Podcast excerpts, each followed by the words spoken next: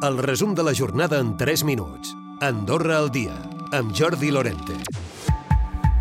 Unió de Pagesos i els pagesos d'Occitània han encetat converses per portar a terme accions conjuntes a les fronteres. Pel que fa als pagesos de França, de la Cerdanya francesa, s'han d'acabar de concretar les seves mobilitzacions.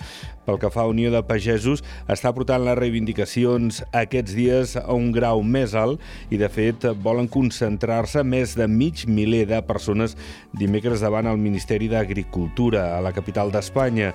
I els pagesos de la Cerdanya francesa han d'acabar de veure com es mobilitzen davant la manca de diàleg amb el seu govern.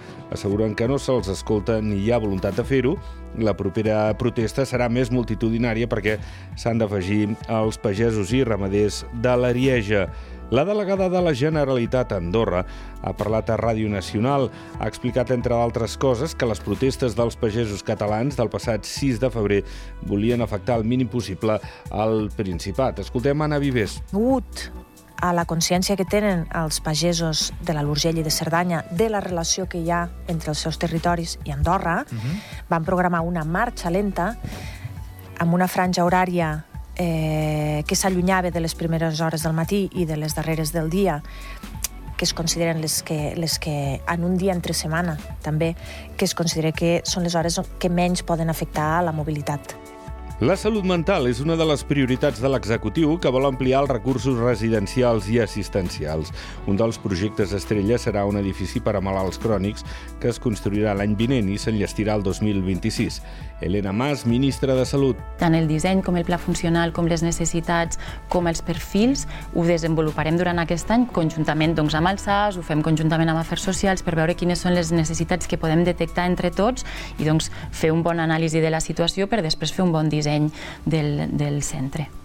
L'empresa encarregada de subcontractar treballadors argentins per a la construcció reconeix que paga tard als treballadors. És un problema que atribueix, diuen, a la logística dels contractes de curta durada i que vol tenir solucionat el mes vinent.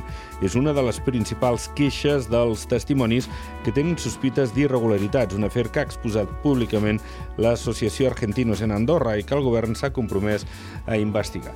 I han començat els treballs d'instal·lació de les 42 vigues de formigó al viaducte viaducte del carrer Doctor Vilanova. De fet, han instal·lat una grua de 23 metres de llargada amb un braç de 60 metres que pot carregar 450 tones. Estarà instal·lada aquesta setmana al costat de la plaça Revés, la qual cosa generarà afectacions a la circulació de vehicles i també de vianants. Al país hi ha, a hores d'ara, 1.153 vehicles censats per cada 1.000 habitants. El nombre va continuar augmentant l'any passat, sobretot pel que fa a turismes de gasolina. Els vehicles elèctrics i sobretot els híbrids, però són els que estan creixent més els últims anys.